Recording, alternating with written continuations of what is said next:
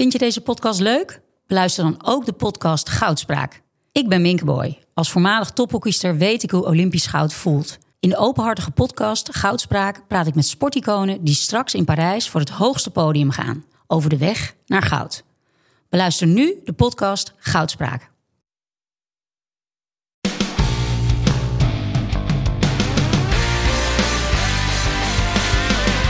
Welkom bij mijn Drive Podcast, waarin ik, Mark Tuitert, op zoek ga naar de drijfveren van allerlei inspirerende mensen. Van atleten, ondernemers, wetenschappers tot artiesten. Deze podcast wordt mede mogelijk gemaakt door First Energy Gum. Een gum gebaseerd op natuurlijke cafeïne die je een directe en gezonde energy boost geeft om meer uit je dag te halen. Naast de vele topsporters die First gebruiken, nodig ik ook jou van harte uit om het te proberen. Kijk op www.firstenergygum.com voor meer informatie. Er was maar één optie en dat was winnen voor Marit Bouwmeester. Maar juist een zilveren Olympische medaille en een reeks tegenslagen vormden haar. Over keihard werken, willen winnen, maar ook de gekke paradox met het loslaten. Deze meervoudig wereldkampioene en Olympisch kampioene zeilen neemt ons mee. Luister naar en leer van Marit Bouwmeester. Ik zit hier in Scheveningen, Marit, in uh, jouw thuis. Maar eigenlijk, hè, we zitten nu in juli 2020, had je ergens anders moeten zijn. Ja. Nu. Ja. Waar? Tokio. Was je nu in Tokio geweest? Ja, ik zat er toevallig gisteren aan te denken hoe het nu anders is. Want ik dacht als nu volgende week uh, de Spelen waren geweest, ja, dan, uh, dan had je hier met een heel ander gevoel gezeten. Of dat had je in Tokio gezeten met heel veel spanning natuurlijk. En nu is dat volledig weg gewoon. Hoe gek is dat? Uh, nou, gek genoeg bent het ook wel weer snel. Ik denk altijd, uh, als zeilen zijn, zijn we sowieso... Nou, je weet het natuurlijk nu als kitesurfer... dat je bent super afhankelijk van het weer. Dus we zijn best wel flexibel. Als er geen wind staat, kan je niet zeilen. Als, als er te veel wind staat, ook niet. Dus we zijn best wel altijd getraind om veel dingen te accepteren. Dus ook dit was gewoon, ja, accepteren en door. Ja, dat ben ik heel erg benieuwd naar. Gaan we het over hebben, deze podcast. Want dat vind ik ook echt iets van wat zeilen is, inderdaad. Omgaan met de omstandigheden, de elementen. Um, hoe ben jij verzeild geraakt in het zeilen? Volgens mij, als ik, als ik jou ken en volg, volgens mij ben jij uh, vanuit de wieg uh, in een zeilboot gezet en uh, ben je er nooit meer uitgekomen. Heb ik dat goed? nou, gedeeltelijk. Maar mijn ouders zijn dus totaal geen zeilers. Maar echt niet. Mijn vader, die, die zou ik niet los vertrouwen in een zeilboot. En mijn moeder, die wordt al steeds ziek op het IJsselmeer. maar ja, mijn opa was wel een vervent zeiler. En ik kom natuurlijk uit Friesland, dus we gingen altijd naar de Sneekweek. Opa aanmoedigen. Uh, mijn pa was trouwens wel altijd bemanningslid bij mijn opa aan boord. Um, en mijn broer zei denk ik, ik wil uh, zeilen. En ik volgde altijd mijn broer, die is drie jaar ouder. Dus we gingen naar de zeilschool. Mijn ouders zijn wel echt mega sportief. Dus die doen nog steeds op een 60 staan triathlon, triathlonwedstrijden mee. Dus ze uh, stimuleerden ons altijd in alles. Dus die brachten ons naar de zeilschool. Ja. En sindsdien zit ik hier. je keek naar je broer. Je grote, je grote voorbeeld. Ja. Dus als je broer ging, dan ging jij ook. Ja, alles. En had hij een kuif, had ik een kuif. Had hij zo'n kartonnetje in zijn wiel, zo dan deed ik dat ook. Ja, ik was echt, uh, ik volgde hem overal waar hij ging. Echt grappig, hè? Ja, het, het zie met heel veel sports überhaupt in het leven. Met mensen die, uh, hoe je opgroeit en wie je om je heen hebt, kan heel bepalend zijn van wat er uiteindelijk van je wordt en welke richting je opgaat. Maar wat was het aan zeilen wat jij, wat jou greep dan? Was het ja, nou gek genoeg vroeger uh, sowieso wat ik wel heel erg tof vind, wat ik nog weet, is dat je gewoon best wel veel vrijheid hebt. Want je bent zes jaar oud en je kan een boot besturen en je kan weg. En ik kon, wij uh, waren vaak op Grauw en op Sneek en dan kon je gewoon weg, weet je wel. Je kon rondjes langs die uh, meren doen en dan was je gewoon weg van je ouders. Dus dat was wel heel tof om iets te besturen. Vrijheid. Ja, die vrijheid was wel heel erg gaaf. Maar ik vond vooral vriendjes en vriendinnetjes leuk, want iedereen had gewoon een boot. En dan sliepen we met z'n allen op een boot of dan hadden we een lege tent op de kant gezet en dan barbecuen en vuurtjes stoken. En dat is wat ik vooral herinner eigenlijk. Gewoon heel veel lol met vriendjes en vriendinnetjes. Gewoon lol hebben en tegelijkertijd uh, zeilen. Het klinkt heel gezond. Inderdaad. Grappig, ik ja. heb dat, dat vrijheidsgevoel heb ik ook heel erg uh, gevoeld in mijn jeugd met schaatsen. Ik een heel groot meer stond dat ik zelf kon bepalen. Gewoon, misschien heeft het ook iets met water daarom te maken. Hè, mijn sport heeft toch ook enigszins met water te maken. Ja. Dat je gewoon zelf kan bepalen waar je heen gaat. Ja, dat, ik weet niet. Eh, misschien heb je daar behoefte aan als kind of zo. Maar het geeft wel altijd een kick. En ik weet ook wel een keer dat je dan wegging. En dat je dan uh, dat er te veel wind stond. Dat je eigenlijk stiekem ook wel een beetje bang was. Dat je denkt, hoe kom ik terug? Maar dan ja, toch heb je wel eens in de panarie gezeten? Eh, nou, niet heel erg, want je groeit met de sport mee. Dus hier, ik ben één keer hier in Scheveningen naar buiten gegaan met eh 48 knopen. Dus Zo. dat zo winkracht 8, misschien de vlagen 9. Dat was echt wel heel hard. Eh, veel te hard eigenlijk. Toen kwam ik naar buiten en toen dacht ik, ja, je, je moet gewoon respect hebben voor de elementen, voor de natuur. Want ze zijn gewoon sterker en stof dat we ermee mogen spelen. Maar je bent niet echt heel erg bang, denk ik, omdat je vanaf jongs af aan wel bent meegegroeid. En ehm, ja, ik denk dat het belangrijk is dat je zelf niet te veel overschat als je in de natuur bezig bent. dat leer je snel genoeg, denk ik. Hè? Ja, toen eh, dat was volgens mij eind vorig jaar dat we naar buiten gingen. Toen dacht ik wel van, ah, shit, ja, dit, dit, dit Dat was met die ik niet 50 winnen. knopen. Ja, die, dat was wel intens. Volgens mij hadden ze hier eerst nog met, eh met die kitesurfwedstrijd eh Red Bull King of the Year Ja. hadden ze nog uitstel. En ik dacht, ja, er nou, zijn jongens die je ken, die, die, die worden heel erg warm van 50 knopen. Ja, Die, gaan, die moeten elkaar vasthouden voordat ze het water opgaan. En dan sturen ze die vliegen de lucht in. En dan, ja, dan st- springen ze 30 meter hoog. Dat is insane. ja. Maar jij, gaat, jij hebt wel een grens. Ja, nu de- deze golven waren zo, ehm, zo hoog. Ik kon gewoon niet meer overstag of niks. Die, en elke vlaag, ik werd gewoon, mijn boot werd gewoon omver geduwd. Ik kon gewoon, eh, want ik kan mijn boot niet eh, tot een bepaald maximum depoweren, zeg maar, de kracht eruit Ja. halen. Dus dit was gewoon echt, eh, was wel heftig, ja. Maar wel kick om die kracht van de elementen te voelen, ja. Heb je dan nooit dat je denkt van, ho, dat je ergens in levensgevaar bent? Of dat gevoel hebt gehad? Eh, voor mezelf minder, maar wel eh, met de coachboot. Want we hebben, er zijn ook wel eens eh, coachboten achterover geslagen, zeg maar. Ja. Die, die golven zijn best wel stijl. Dus ik maak me gek genoeg nooit zo zorgen om mezelf. Want ik dacht van ja, wat kan er gebeuren? Mijn mast kan breken, ik kan omslaan of vast komen te zitten onder de boot. Maar dat gebeurt niet zo heel vaak. Dus eigenlijk eh, komt dat wel goed. Alleen een eh, coach zit vaak met heel veel eh, kleding aan bepakt in een coachboot. En die heeft alleen natuurlijk een motor. En die staan heel vaak verticaal op een golf. En dan is het maar hopen dat ze weer de goede kant opslaan. Dus sommige coachboten die slaan ook echt wel daadwerkelijk achterover. Dat gebeurt nog, nou niet regelmatig, maar het gebeurt wel. Dus af en toe kijken we even achterom om te kijken of, Of je coach het redt? of de coach ook, ook coach nog leeft. Ja, precies. Hey, hoe ben je, wanneer dacht jij van, ehm, ik heb een kans om, eh, wanneer begon je te dromen, laat ik zo zeggen, van, eh, van Olympisch goud? Of überhaupt van Olympische Spelen? Nou, best wel laat. Margriet Matthijs was altijd mijn grote voorbeeld.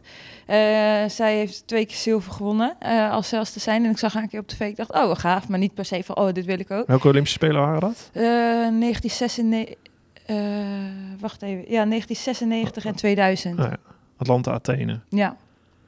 Sydney. Oh, sorry, Sydney, ja. Ja, en ze was in 2004 in Athene ook bij, maar toen hebben ze geen medaille gewonnen.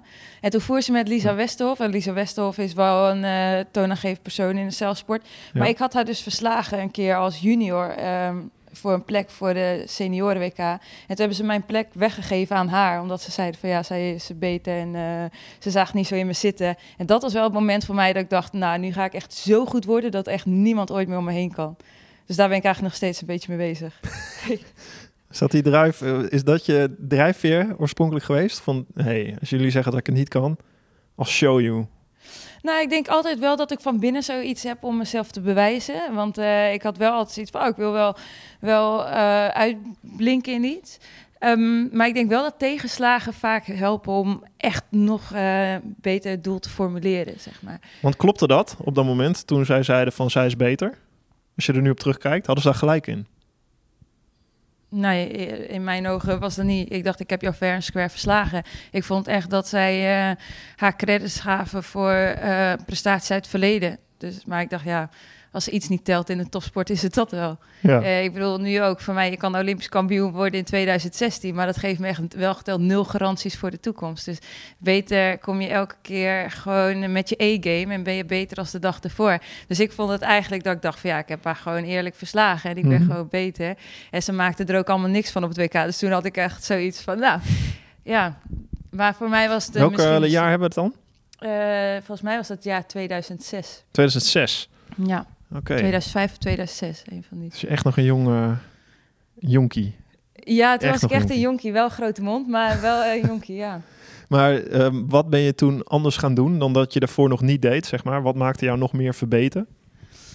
Nou, toen heb ik heel bewust, denk ik, echt geformuleerd van... oh, ik wil de beste zeilster alle tijden worden. En niet alleen één keer goud winnen, maar vaker winnen. En toen ben ik ook eh, heel bewust, uh, nou dat heb ik misschien wel eerder gedaan, op naar uh, Lil John, Mark Lil John toegegaan. En dat was een Engelse coach, of een Nederlandse coach. En die had al een keer goud gewonnen met een Engelse zelster. Mm, nou zeg ik het helemaal fout trouwens. Hij is een Engelsman en hij heeft een keer met een Engelse chick uh, goud gewonnen in 2000. Maar hij ging voor Nederland ook in dienst. En ik ben naar hem gegaan en ik zei, ja, ik wil de allerbeste zelfs worden. Hoe doe ik dat? En nu ik daarop terugdenk, denk ik van ja, eigenlijk wil je heel vaak dat soort vragen stellen. Want waarom zou je het wiel uitvinden als, hij, als andere mensen al weten hoe je het moet doen? Uh, en dat heeft me wel heel veel geholpen. Met, van hem heb ik echt heel veel geleerd. En later is hij ook mijn uh, privécoach geworden. Mm -hmm. Richting de Olympische Spelen van Londen. Ja. Was hij jouw coach? Maar dan kom je, gebeurt dat vaker, denk je? Of is, ben jij dat, jij gaat echt naar een coach toe, je gaat zeggen, hoe word ik de allerbeste ooit? Ja, ja dan ga ik en wel wat zegt die coach dan? Wat zegt hij? Uh, nou, in dit geval zei hij van uh, je moet snel volwassen worden, uh, zelfstandig, uh, wisdom, dat was eigenlijk het gouden woord. Um, Wijsheid. Hij, ja. Wat bedoelde hij daar precies mee? Nou, zeker als um, uh, zeiler zijnde uh, is het gewoon...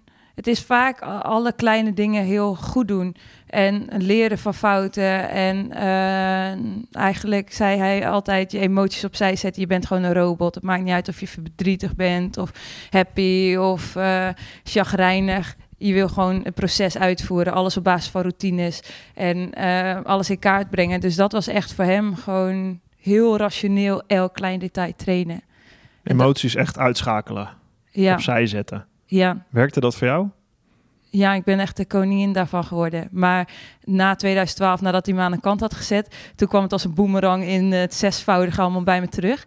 Maar ik denk dat ik echt heel erg sterk ben in uh, um, heel rationeel alles benaderen. Ja. Want uh, hoe heb je dat gedaan richting Londen? Toen, toen, toen heb je die ambitie uitgesproken. Uh, toen ben je gaan samenwerken met hem. Ja. Toen ben ik zes jaar lang 300 dagen per jaar in het buitenland met hem geweest. Zes jaar lang 300 dagen per jaar ja. met je coach, ja. met z'n tweeën. Met z'n tweeën. En af en toe uh, huurde hij bijvoorbeeld wat hij deed. Was bijvoorbeeld dan huurde hij Anna Toenekliff in. Dat was de Olympisch kampioen van 2008. Want hij zei: Ja, je bent niet goed genoeg. Niemand wil met je trainen. En je moet het maar laten zien dat je, uh, dat je het waard bent dat iemand met je wil trainen. Dus hij zei: Ja, ik moet nu echt mensen inhuren uh, die met jou kunnen trainen. Maar dan huurde hij bijvoorbeeld de Olympisch kampioen in. En dan liet hij mij bij haar in het appartement slapen. En gingen we samen trainen.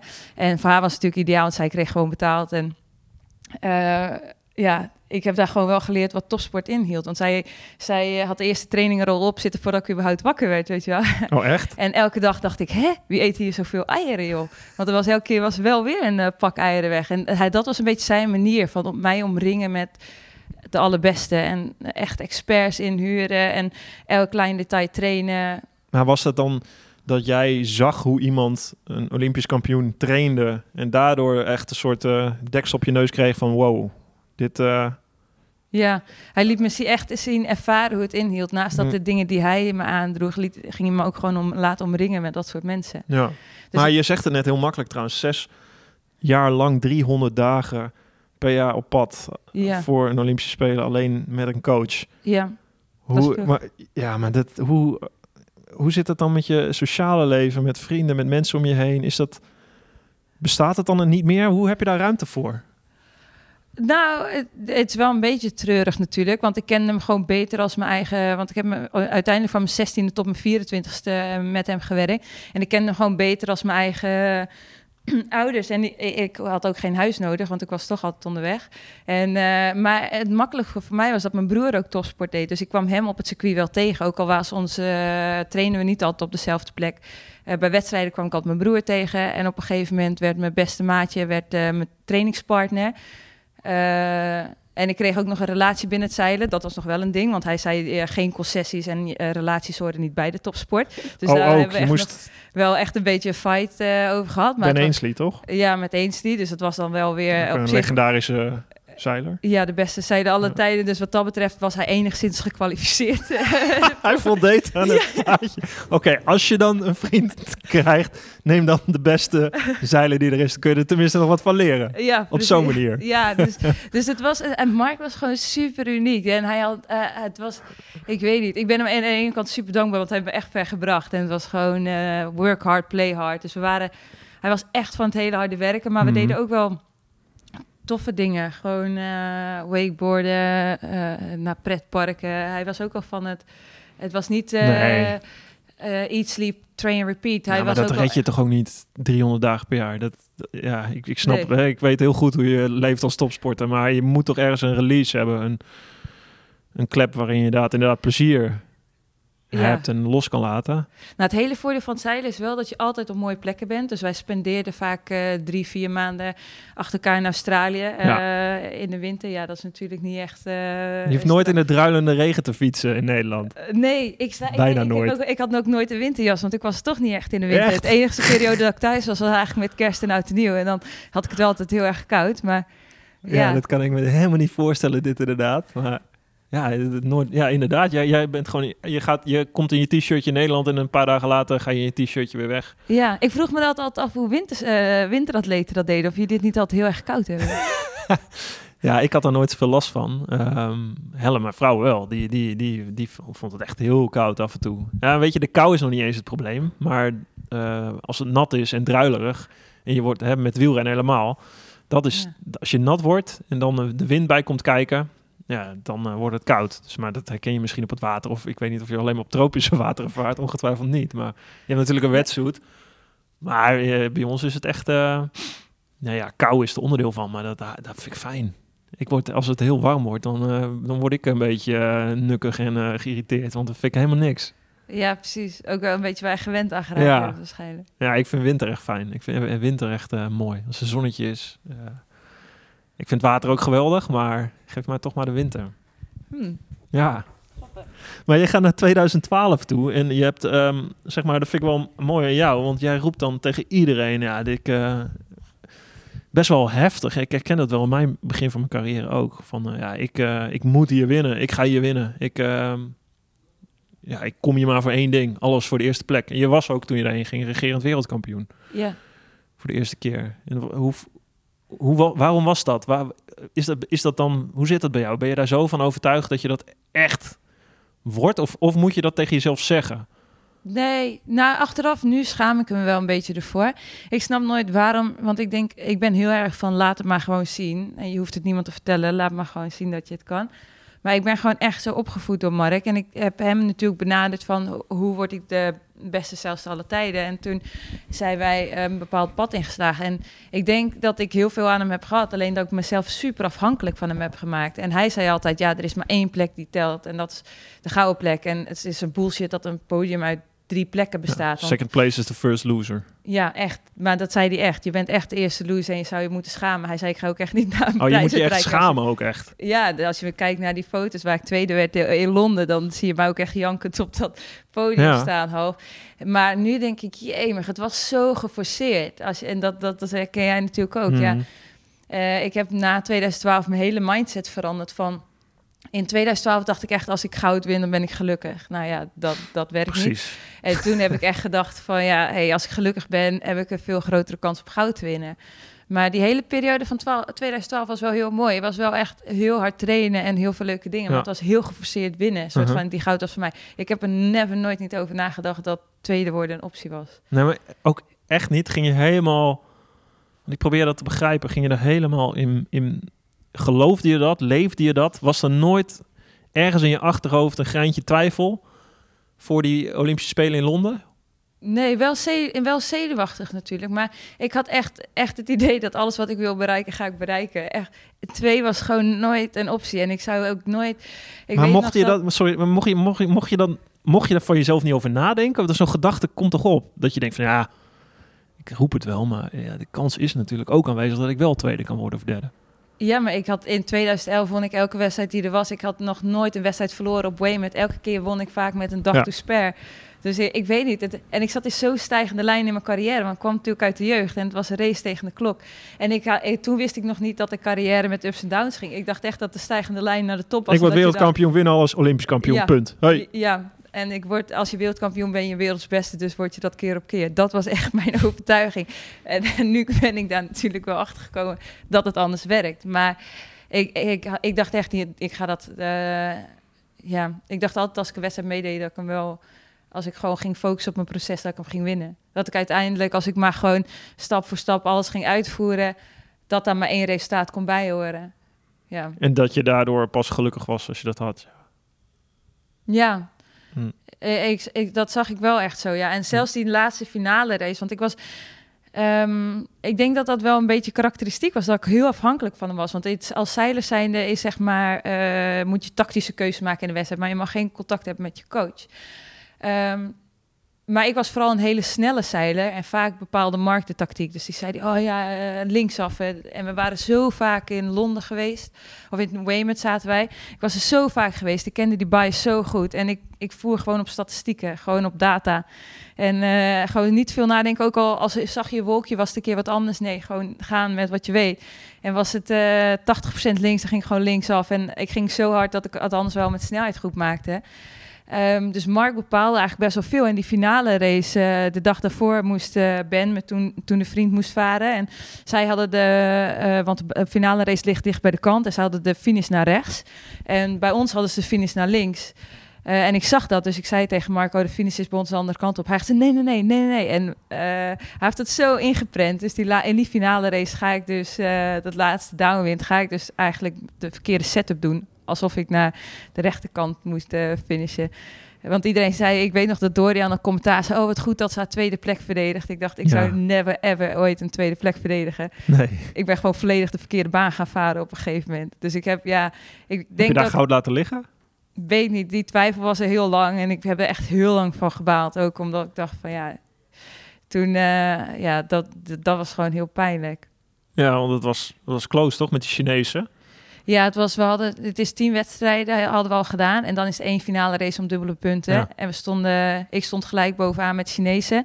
En eh, Ierland en eh, België stonden erachter. Maar eigenlijk was degene die eerste wordt, wordt Ja, eerste. precies, en die- vierde, vierde. Ja. Ja. Dus ja, het was gewoon echt een bizarre race. Het was echt, eh, maar ja, wat als heb je gewoon niks aan. Je bent gewoon tweede en Ja. je mag het vier jaar later weer proberen. Nou, ik weet nog dat jij, volgens mij had je een interview met Mart Smeets toen. En ehm, dat die, ehm, volgens mij was je toen bij je ouders geweest en, en je broer, zus. Dat je, dat je toen een beetje besef had voor de camera van... eh, nou, ik, ik moet er wel een beetje blij mee zijn. Want iedereen uh, interviews ook daarna van je familie. Die zei, ah, wel mooi hè, knap. En, eh, maar volgens mij vroeg Martje daarvan... eh, neem je jezelf iets kwalijk? En toen bleef het even stil. Toen dacht je, echt, je zag eigenlijk aan je gezicht van... ja, dit is helemaal KUT. Terwijl je daarna best een heel netjes antwoord gaf natuurlijk. Omdat je met je familie, die waren ook blij voor je. Omdat je zilver had gewonnen. Maar volgens mij stond je daar en dacht je, dacht je zoiets van... nou, dit is Ja. echt verschrikkelijk. Mijn beste vriendinnetje, eh, Claire Blom, die was ook mijn trainingpartner. Die zat, want iedereen had zoiets van, ja, moeten we nu juichen op de tribune? Want Ja. zij zei ook van, ja, ik weet eigenlijk, dit is echt niet wat ze wil. Maar achteraf denk ik, ja, eh, als je alles geeft wat je hebt, dan blijft sport. En daarom vind ik het die periode zo geforceerd. Ja. En Mark, en ik nam zoveel over van Mark, maar dat is misschien ook wel die leeftijd. Als je zo jong, zo intens met iemand werkt, dan Ja. dan neem je dat gewoon over. En hij zei ook altijd, ja, Marit vindt zeilen niet leuk, ze vindt winnen leuk. Dus tegen e- elke camera die ik voor me kreeg, zei ik altijd, nou, ik vind winnen niet, eh, of eh, ik vind winnen wel leuk. Ja. Eh, maar ik vind zeilen niet leuk. Terwijl ik nu denk, ja, ik vind zeilen superleuk en ik vind winnen leuk. Maar ik, ik nam, was best wel, alles wat hij dacht, dat dacht ik. En soms mocht ik over één ding nadenken als het maar het antwoord had wat hij wou. Dus het was, eh, ik was gewoon super afhankelijk. En daar kwam ik pas achter eigenlijk toen hij eh, me verlaten had. ja, hoe ging dat? Hoe kom je erachter? Ja, hij kreeg volgens mij betaald verlof van uh, omdat we zo intens hadden samengewerkt. En ondertussen uh, was hij gewoon uh, met mijn grootste concurrent aan het trainen in Nieuw-Zeeland. En toen belde hij me op en toen zei hij... ja, ik ben je coach niet meer, je, je bent niet goed genoeg. En ja, het kwam er eigenlijk op neer... alles wat je hebt bereikt heb je aan mij te danken. Echt? En toen is hij voor haar gaan werken. Eigenlijk volgens mij na, na zes maanden... nadat ze betaalde verlof erop zat... of hoeveel maanden het ook maar was. Maar, maar hij zei letterlijk, je bent niet goed genoeg... en je hebt alles aan mij te danken danken. Ja, het, daar kwam het op neer dat ik eigenlijk al, uh, ja, dat zo goed was door hem. En hij zei, ja, Rio daar, Rio, daar moet gewoon een intelligente zeiler winnen.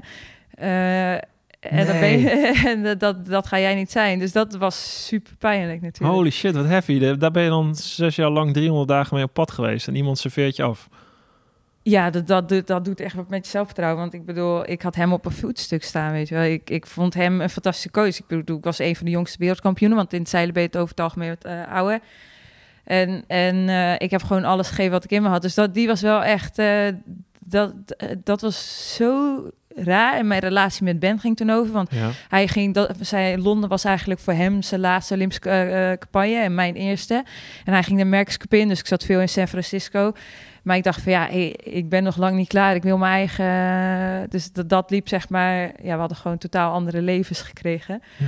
Dus in één keer was het super eenzaam. Want je hebt ook niet zoveel om op terug te vallen. Want wat je zegt. Uh, en Claire, mijn beste maatje, ging een andere boot varen.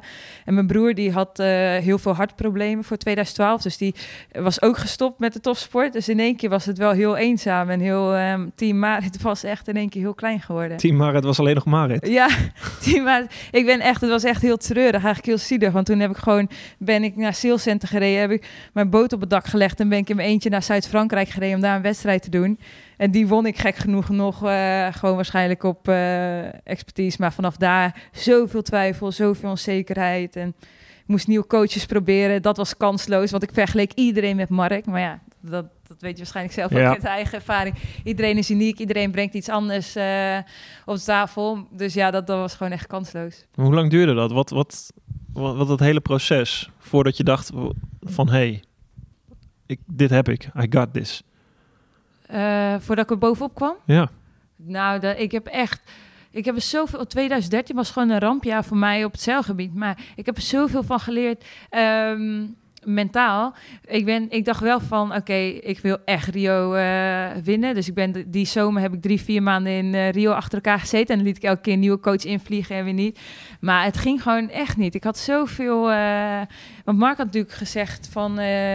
Uh, je bent niet goed genoeg. Dus elke keer dacht ik, oh, zie je nou wel even gelijk. En dan zat ik weer te twijfelen op, in een beslissing met de, met de wind. En ja, dan zat ik erover te twijfelen. Het duurde te lang, was sowieso een foute beslissing. Ja. En het was een beetje self-fulfilling prophecy. En het heeft een jaar geduurd of zo, tot het WK in China.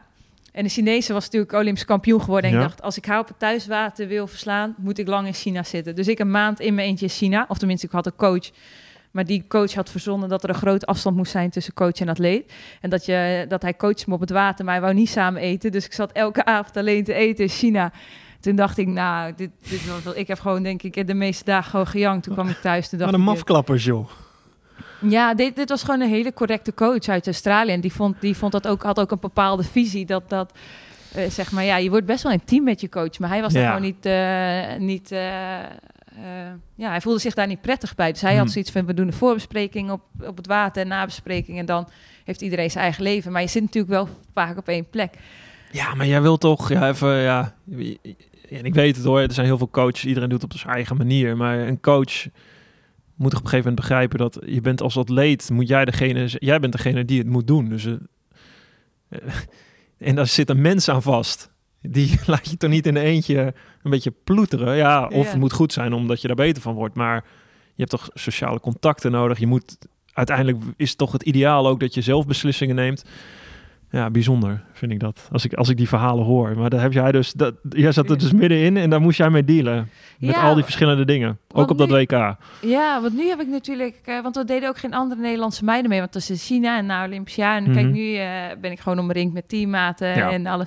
Maar ehm, ja, toen was ik eh, in mijn eentje. En ik, ik vond het een heel goede coach. Want hij had tien jaar lang op rij de wereldkampioen afgeleverd met, eh, bij de mannen. Dus ik had zoiets, ik had hem gevraagd. En het leek een match made in heaven. Mhm. Ehm, hij heeft wel twee keer met de favorieten naar de Spelen gegaan en op de Spelen niet waargemaakt. Dus als je het zegt over interessante topics, denk je, hey, hoe, dat is wel opvallend, zeg maar. Dus, ehm, maar ja, hij had, hij had gewoon echt een coachingstijl die niet echt bij me paste. Ja. Dus na het WK hadden we ook zoiets van, ja, dit, dit, dit past niet. Hoe ging dat WK? Ja, ik werd echt eh, drie keer gedisqualificeerd. Ik was echt eh zestiende of twintigste geworden. Het was echt, af en toe had ik echt momenten, was ik super snel. En, en, die, en Mark, eh, die kwam ik natuurlijk elke keer Ja. nog tegen. En die werd bijna wereldkampioen met die Amerikaanse. De geval net niet, die waren volgens mij tweede geworden. Dus dat was eigenlijk nog een keer een een deksel op je neus van zie je wel. Ik zat elke keer als een jaloerse ex tegen te kijken. Want zij is ook eh, zo typisch Amerikaans met vlaggetjes overal en dingetjes. en helemaal uitbundig. En ze waren echt goed bezig. Maar ik zag haar ook al mijn techniekjes doen. En ik zat gewoon als een jaloerse ex te kijken van... oh, ik wil mijn coach terug. Dus ik had het ook nog niet helemaal eh, Afgesloten. eh, afgestoten. Ja. Dat ik dacht van, oh, ik moet door. Maar ja, als persoon zijn heb ik in die periode zoveel geleerd. Dus ik ben er wel heel dankbaar voor. Maar ja, dat hele jaar hoef ik niet per se overnieuw te beleven. Wat, is, wat zijn de belangrijkste lessen? Ehm, onafhankelijkheid was de belangrijkste les, denk ik. Om zelf beslissingen te kunnen nemen. En ehm, ja, toch wel dat je gewoon moet zorgen dat je gelukkig bent. Dat je blij bent met wat je doet. Dat je je omringt met eh, lieve, liefdevolle mensen. Ehm, en dat je dan een veel grotere kans hebt om goud te winnen en succesvol te zijn in wat je ook doet. Ja. En als je het dan haalt, dan ben je daarbij ook nog blij. In plaats van dat het per se Ja, moet. en dan kan je het ook nog vieren, weet je wel. Ja, met, precies. Met, met, eh, ja. Dus dat is zo'n grote transitie geweest. Dus ik ben, toen heb heb ik ook weer gedacht, oké, ik ga weer terug.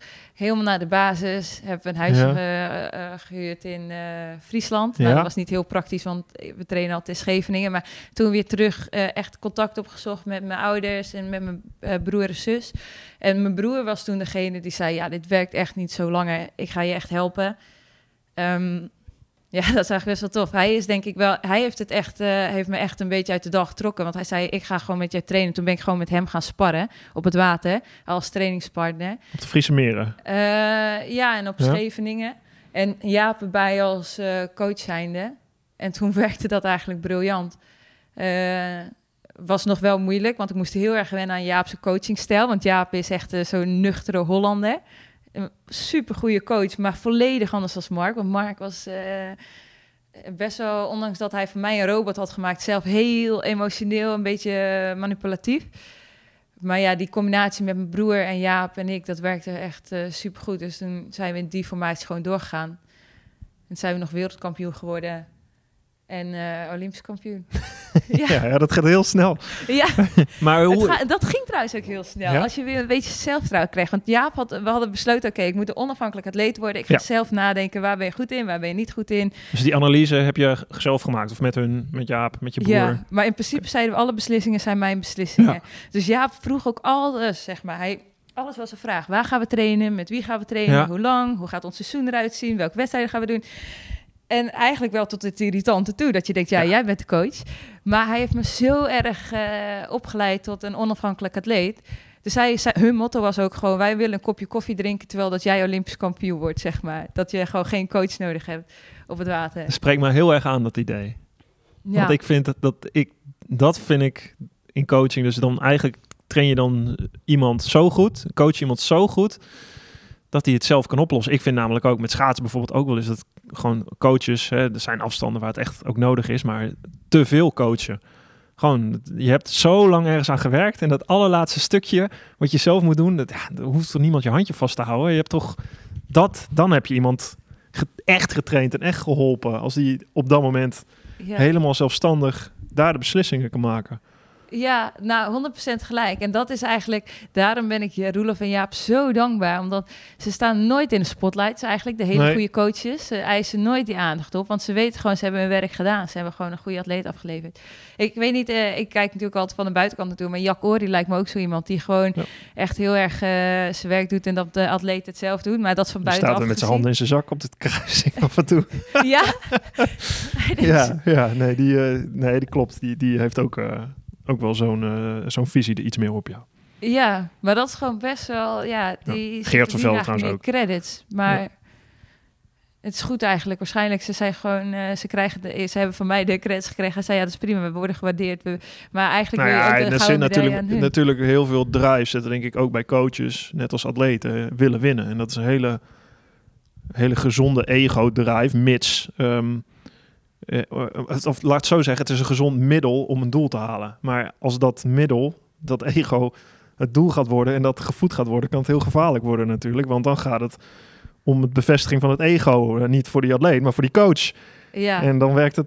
Het gaat uiteindelijk om jou als atleet, dat jij je ontwikkelt. Inderdaad. Mo- ik vind het een mooie metafoor. Ik wil een kopje koffie kunnen drinken, rustig drinken, rustig, zodat tijdens de Olympische finale ja, degene we, we hebben zoveel bijgebracht. Nou, vertrouw er wel op. ja. Zo zou je een beetje ook kinderen willen opvoeden. Van, nou, weet je, dat zeg ik wel eens tegen hè, met mijn, onze kinderen. Van ja, uiteindelijk wil je ze kunnen loslaten in de wereld, eh, dat ze hun eigen beslissingen nemen en dat, dat ze dat op goede waarden en goede, goede uitgangspunten doen. Maar het, het is jouw beslissing.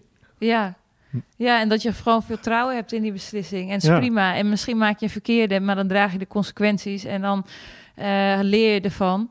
Ja, Want de beslissing is niet per se... eh, ik denk dat je niet per se fouten kan maken als je ervan leert. Ik denk als je... eh, zodra, zodra, zodra je niet leert van je fouten en je blijft in de slachtofferrol... dan denk ik dat je, dat je jezelf tekort doet. Maar als je leert van je fouten en, en je bent altijd... eh, hoe heet het? In charge en... Ja, dan, dan kan er niet zoveel fout gaan. maar jij zei, ehm, zeg maar, die emoties. Je was eerst een robot en dat kwam als een boemerang weer terug. Waar zat dat dan in? Ja, in 2013 waren gewoon te veel dingen met, met eh, Mark die wegging, Ben die, eh, eh, die wegging, Claire die een andere boot ging varen en mijn broer die niet meer eh, op het circuit was natuurlijk eh, bij de wedstrijden.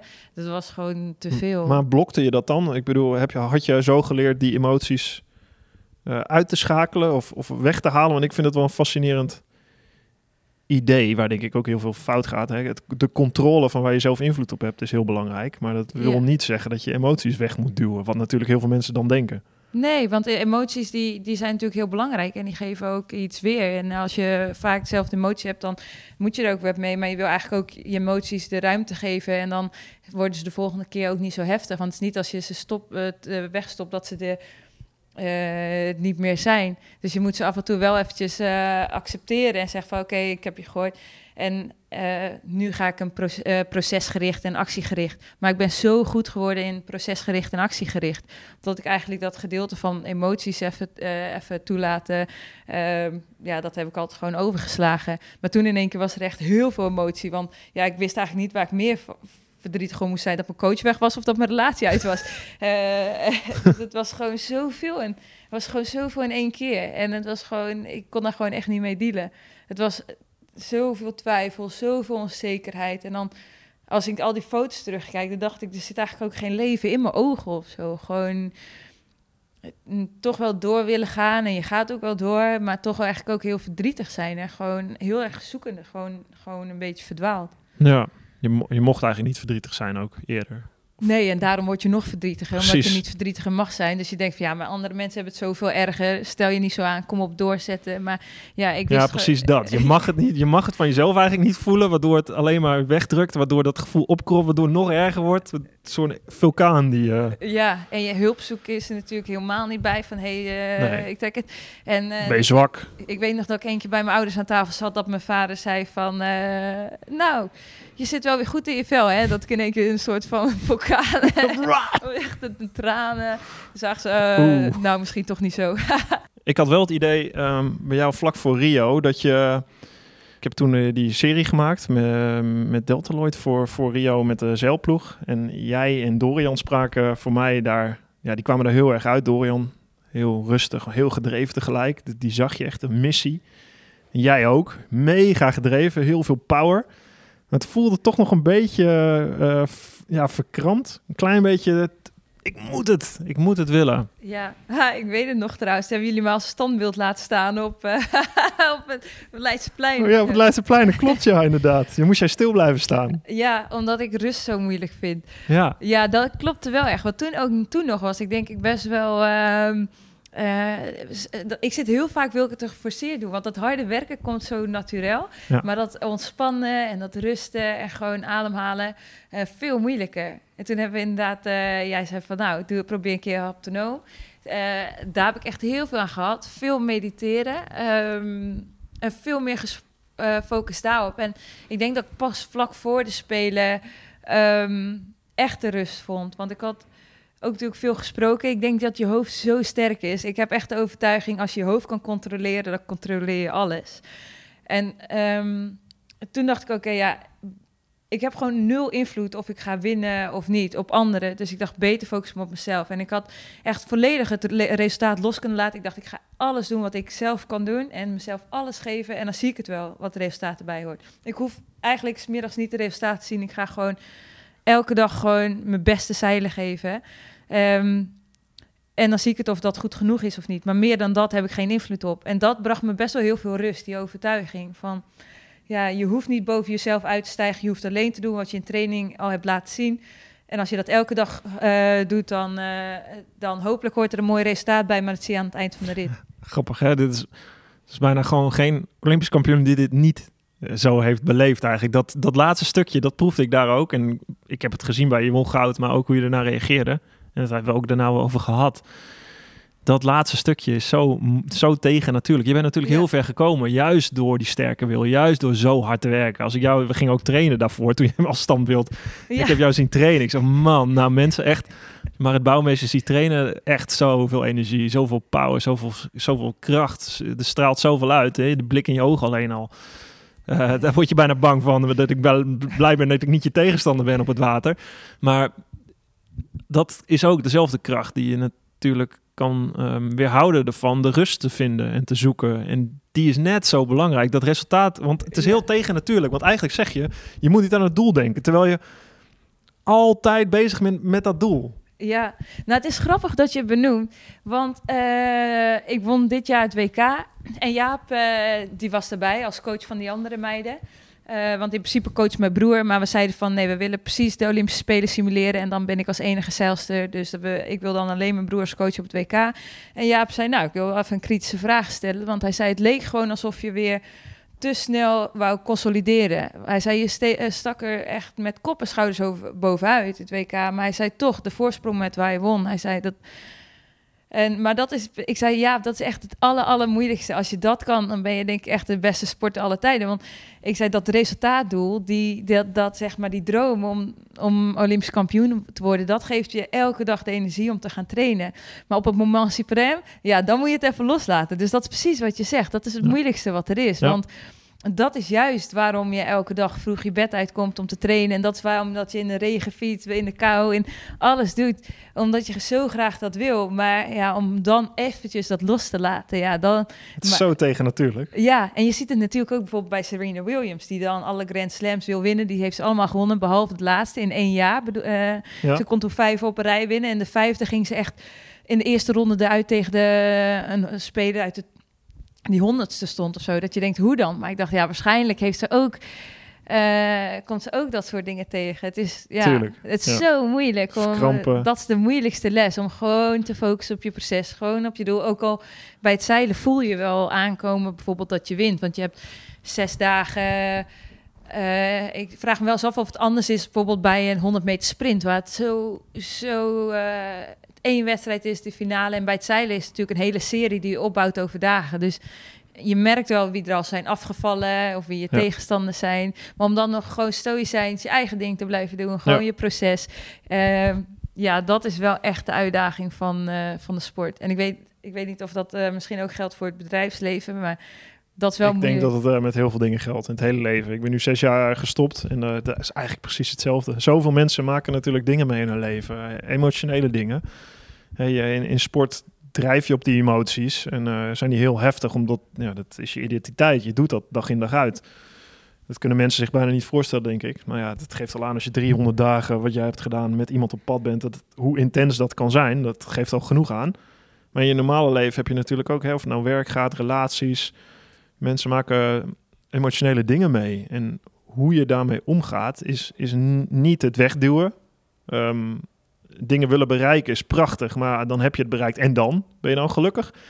Eh, hè, rijk willen worden is prima streven, dat kan je helpen. Eh, geld helpt, heb je geen geldprobleem is heel fijn. Ja. Maar ja, eh, maar uiteindelijk als je daar komt ehm, of dat wil bereiken, het, het moet kloppen. Het moet, de energie moet eh samenvloeien. En als je te verkrampt gaat doen omdat je het te hard wil, dat is ook in het gewone leven zo, heb ik ervaren hoor. Dan ga je er niet komen. Het kost gewoon tijd. Het kost rust, geduld. En als je dat kan combineren, eh, juist met die gedrevenheid, met die ook dat stukje agressie en die wil om te winnen, dat is echt sterk. Dat is echt, daar, daar ligt, eh, ja, daar ligt de, de, het gouden midden ergens. Ja, dat denk ik ook. Dat denk ik ook, ja.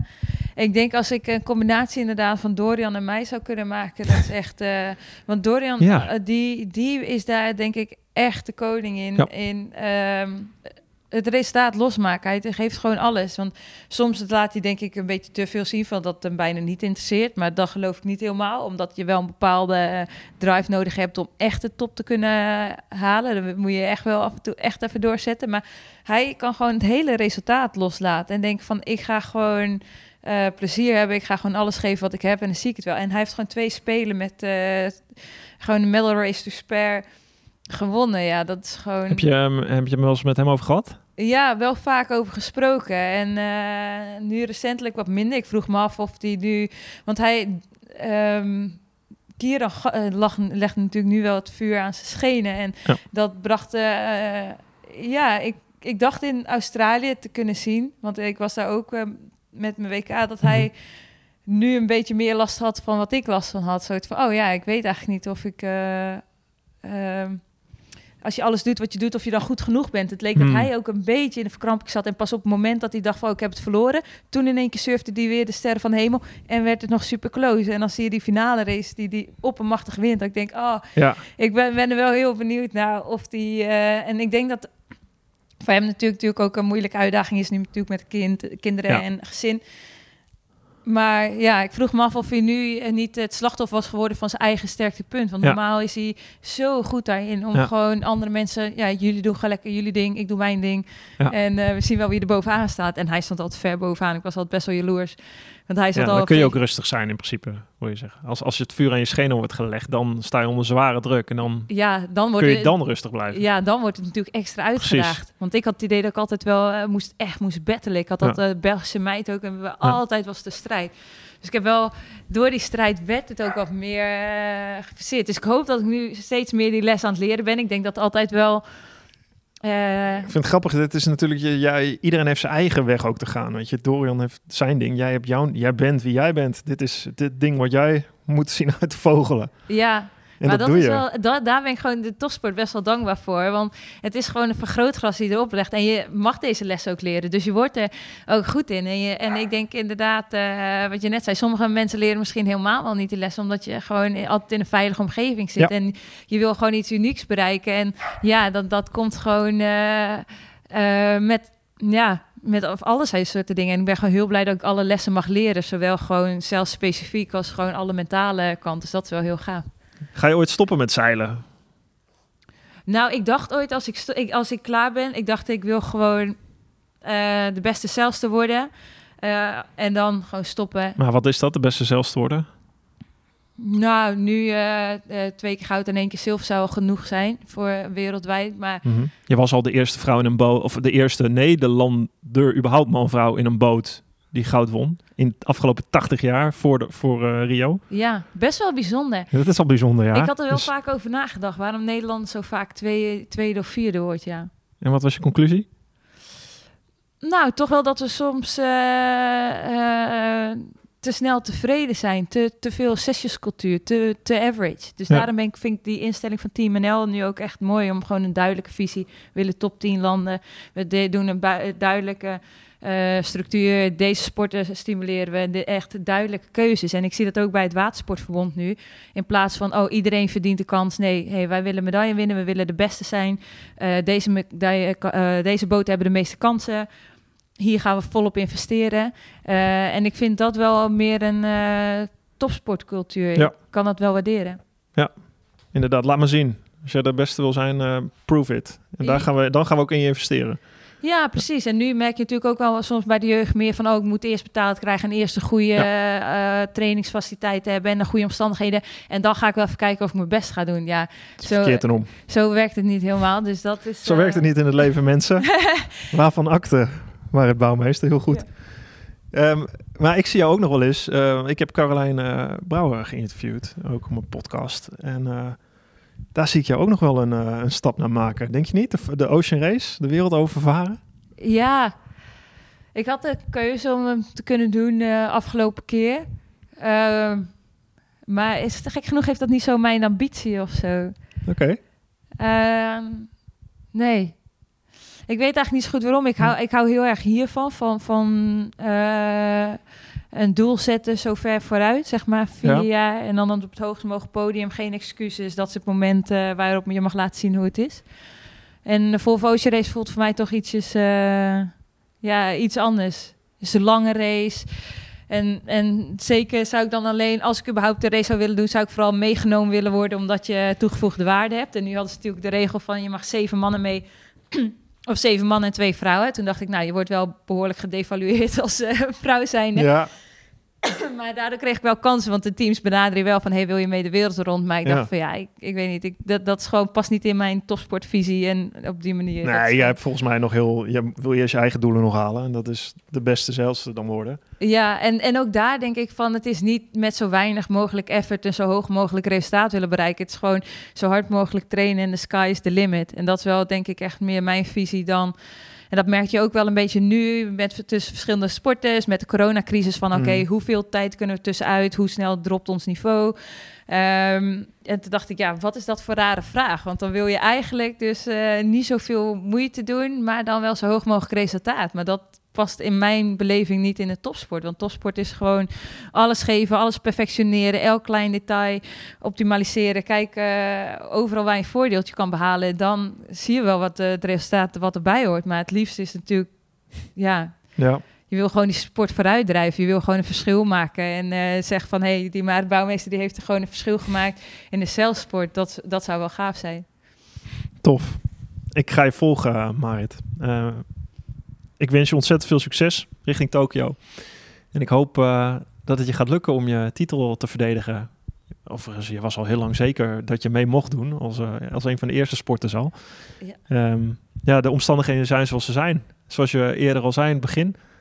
Maar met dealen en eh, volle bak voor, voor Tokio. Dat komt wel goed, denk ik. Ja, ik heb in ieder geval heel veel zin in.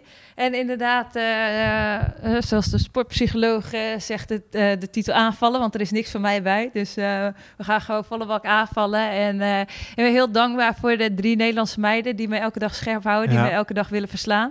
Dus dat is ja, die eh, zit op je hielen. een goede, ja, dat is dus een goede omgeving voor mij om eh, ja, gewoon scherp te blijven en eh, progressie te maken. Dus ja, ik kijk gewoon heel veel uit naar het komende jaar.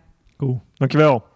Thanks. Dank je voor het luisteren naar mijn Drive podcast. Wil je nu meer afleveringen luisteren? Abonneer je dan op mijn podcast via Spotify, iTunes of YouTube. Je kan me vinden onder Drive Podcast Mark Tuitert. Of bekijk alle informatie en alle podcasts op www.firstenergygum.com. Ga je naar het tapje media en het tapje podcasts. Daar vind je alle informatie. Laat me ook weten wat je van deze podcast vindt en welke gasten jij graag zou willen horen. Daar ga ik daar werk van maken. En dat kan je doen via mijn eigen social media kanalen. Mark Tuitert. Je kan me vinden op Instagram, Twitter en LinkedIn. Ga gedreven verder zou ik zeggen en tot de volgende Drive podcast.